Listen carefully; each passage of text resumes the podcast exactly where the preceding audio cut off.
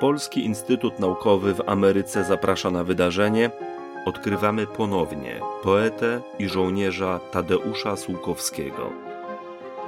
Pragniemy przybliżyć Państwu wybrane archiwalne materiały przechowywane w kolekcjach Piasa w Nowym Jorku i będące polskim dziedzictwem kulturowym na obczyźnie.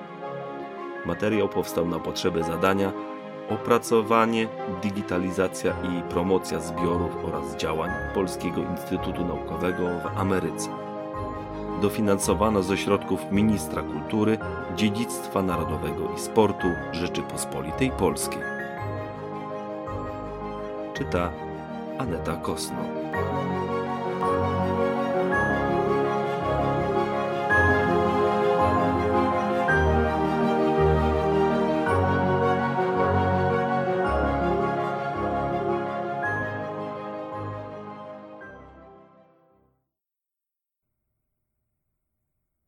Londyn, 9 października 1956 Kazimierzu drogi Wczoraj dostałem twój list i od razu wsiadam na ważnego konia. Koło mego stypendium zupełna cisza. Jeśli więc znajdziesz sposobność, wybadaj nowaka, ale błagam, Kazimierz, zrób to jak najoględniej. Spaliłbym się ze wstydu, gdyby wyszło z tego jakie upominanie się o pomoc. Zrozum, że z tobą mogę tak rozmawiać, ale pary nie puszczę z gęby do kogo innego. Z twojej pożyczki chciałbym skorzystać. Przyślij zatem, jeśli możesz, co łaska. Tak zawsze mówił dziad w skierniewickim kościele, kiedy obchodził ludzi i stukał grosikiem w dno tacki. Zwrócę ci przy pierwszym pomyślnym wietrze, o którym jeszcze nie zwątpiłem. Trochę o Dąbrowskiej, a zacznę od końca, bo to najważniejsze. W dniu odlotu do Paryża kazała przyjechać do hotelu na ostatnie śniadanie. Jedliśmy tylko we dwoje. Sama podjęła temat. Jeszcze nie wracać. Siedzieliście tu tyle czasu, trzeba jeszcze poczekać. Chyba, że tylko na urlop. Na trochę. Odpowiedziałem, że gdybym tam pojechał na trochę i gdybym tam postawił nogę, sam nie chciałbym wracać. Tam się nie jeździ na urlopy. Potem mówiliśmy o czym innym. Po śniadaniu spotkaliśmy w halu Słomińskich, Brzechwów i Brandysów, którzy na nią czekali. Krótko z nimi rozmawiałem i trzeba było się żegnać, bo jechali do ambasady po papiery podróży. Byłem już w drzwiach na ulicę, gdy mnie jeszcze zawołała i podbiegła. To jej prawie dosłowne zdanie. A jak już będzie w kraju taka sytuacja, że mógłby objąć i pana wypadek, bo powiedział pan, że z chwilą postawienia tam nogi już by pan nie chciał wrócić, to ja panu dam znać. Z delegacją miał przyjechać do Londynu i Putrament. Powiedziała im, że jeśli pojedzie Putrament, to ona nie pojedzie i gościa wycofali. W pewnej chwili powołałem się na oświadczenie rządu warszawskiego po wypadkach poznańskich. Aż ją rzuciło w fotelu. My z tego kpimy, a pan o tym wspomina. Przez te lata nie chciała mieć z nimi wszystkimi żadnego kontaktu. W redakcji Nowej Kultury i jej poprzedniczek była tylko raz. I to wtedy, gdy bała się, że jej zmienią tekst, a nie przysłali korekty. Nie widziała żadnego rosyjskiego filmu. Zdziwiłem się. Ja ich mam dosyć, odpowiedziała. Po przygodach z wydaniem pierwszego tomu pamiętników starego Stępowskiego Drugi tom schowała na lepsze czasy i wydawnictwa o tym jeszcze nie wiedzą. Przy pierwszym tomie zawołali ją do cenzury i kazali napisać jej wstęp, żeby źle nie zrozumiano na przykład okresu, kiedy Stępowski gospodarował na Ukrainie. Opowiedziałem jej o londyńskich, bardzo ciekawych odczytach Juliusza Poniatowskiego. Mówił dość pozytywnie o rolnictwie w kraju. W materii byłem dość obkuty, bo na tych wykładach robiłem nawet notatki. nie godzi się z Poniatowskim i wyjaśniła mi wiele bied wynikłych z samego rządu. To jest czyściec, powtarzała. To jest czyściec. Zamieszanie odwilżowe było wśród pisarzy wielkie. Andrzejewski, to są jej słowa, lata po Warszawie, bije się w głowę i powtarza Kurwa jestem, kurwa jestem, kurwa jestem.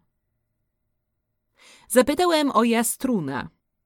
Też zgnębiony, odpowiedziała, bo dał się wciągnąć. A po co w to wchodził? Sam sobie winien. Dużą niespodzianką był dla mnie obraz społeczeństwa w kraju. Jest pewna grupa świetle postępowych ludzi, nie komunistów, ale reszta to coraz ciemniejsza reakcja. Ogół nie przerobił w sobie nowych komunistycznych wartości na nowe niekomunistyczne pożytki. Broniąc się, idzie w tył. Ambona działa w tym nie bardzo światłym sensie. Mówiliśmy o sprawie drukowania pisarzy emigracyjnych w kraju. Ale musi być spełniony jeden warunek, powiedziała. Nie możecie pisać, że w kraju jest okupacja, komunizm. Odpowiedziałem, że taka rzecz jest przecież nie do przyjęcia. Wzruszyła ramionami. W ogóle wiesz, przy całym swoim sprzeciwie wobec tego, co tam się dzieje, nie może zrozumieć pewnych restrykcji idących z naszej strony. A kiedy ją postawić wobec argumentów usprawiedliwiających naszą postawę, robi wrażenie, że staje się bezradna, choć niepogodzona. I to były najsmutniejsze momenty, te nie do rozwiązania. Kulturę uważa za stanowisko postępowe, a o Grydzewskim mówi polski obłęd, polski obłęd. Grydzewski i Borman uraczyli ją wspaniałym śniadaniem, a że jest na dobre jadło łakoma, więc o fecie mówiła z zachwytem. Wszystkie te smutki, o których było wyżej, powtarzają się i w jej liście, świeżo, bo dzisiaj nadeszłym. Nie powinniście, pisze, budować żadnych kordonów sanitarnych ani żelaznych kurtyn między nami i wami. Zostawmy to już postronnym. No, ale powiedz, jak rozwiązać, kiedy ona sama bidna nie mogła znaleźć w czasie rozmów pewnego rozumnego wyjścia? W pogawędkach często atakowała emigrację, oczywiście tylko na odcinku kulturalnym, bo i reszta, ta polityczna, nie może być brana poważnie w rachubę. Zarzuciła nam na przykład, że przegapiamy wydawnictwa obce, które na podstawie urzędowych informacji z Warszawy źle informują świat o rzeczach polskich. Są to wydawnictwa nawet naukowe. To do was należy. A propos wrześniowego numeru kultury, tak pisze w tym dzisiejszym liście. Odsłania w życiu emigracji te głębokie schorzenia, które ja w czasie tak krótkiego pobytu z wami sama zauważyłam i o których mówiłam kilkakrotnie i panu, i innym. I widzę, że nie myliłam się. Te wszystkie postacie zła, które my długo cierpieliśmy, oniemiali, a z którymi u nas się dziś walczy, u was kwitną i wyrastają coraz bujniej. W Londynie miała na przykład za złe Bobkowskiemu, że napisał ten artykuł w kulturze o odwilży. Zamiast iść na pomoc, szkodzicie, powiedziała mi wtedy. Taki jest ogólny obraz problemu Dąbrowska. Najogólniejsze w nim te sprawy, których nie da się rozwiązać nawet jej narzędziem moralnym. I kto wie, czy nie w tym sęk. Jej klucz moralny nie potrafi otworzyć polityki współczesnej, inaczej uzbrojonej niż pozytywistyczna niewola. Mówiła mi na przykład o artykule, który pisze i gdzie będzie mowa o tym, że w czasie dawnej cenzury powstały największe dzieła. Rozumiesz tor jej myśli. Kazimierz, te wiadomości są tylko dla ciebie. Pomyśl, ile biedy mogłoby powstać, gdybyś nieopatrznie puścił je w obieg. Bardzo cię proszę o ostrożność w tym względzie. Bardzo proszę. Kończę, bo na piątą muszę iść do dziennika na obrady jury konkursu na powieść. Lektura jeszcze nie skończona, ale te kilka rzeczy, które już mam za sobą, nie nastrajają wesoło. Ściskam. Tadeusz.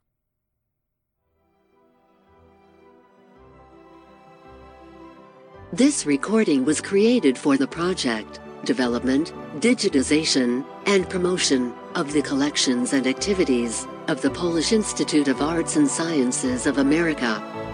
Co-financed by the Ministry of Culture, National Heritage, and Sport of the Republic of Poland.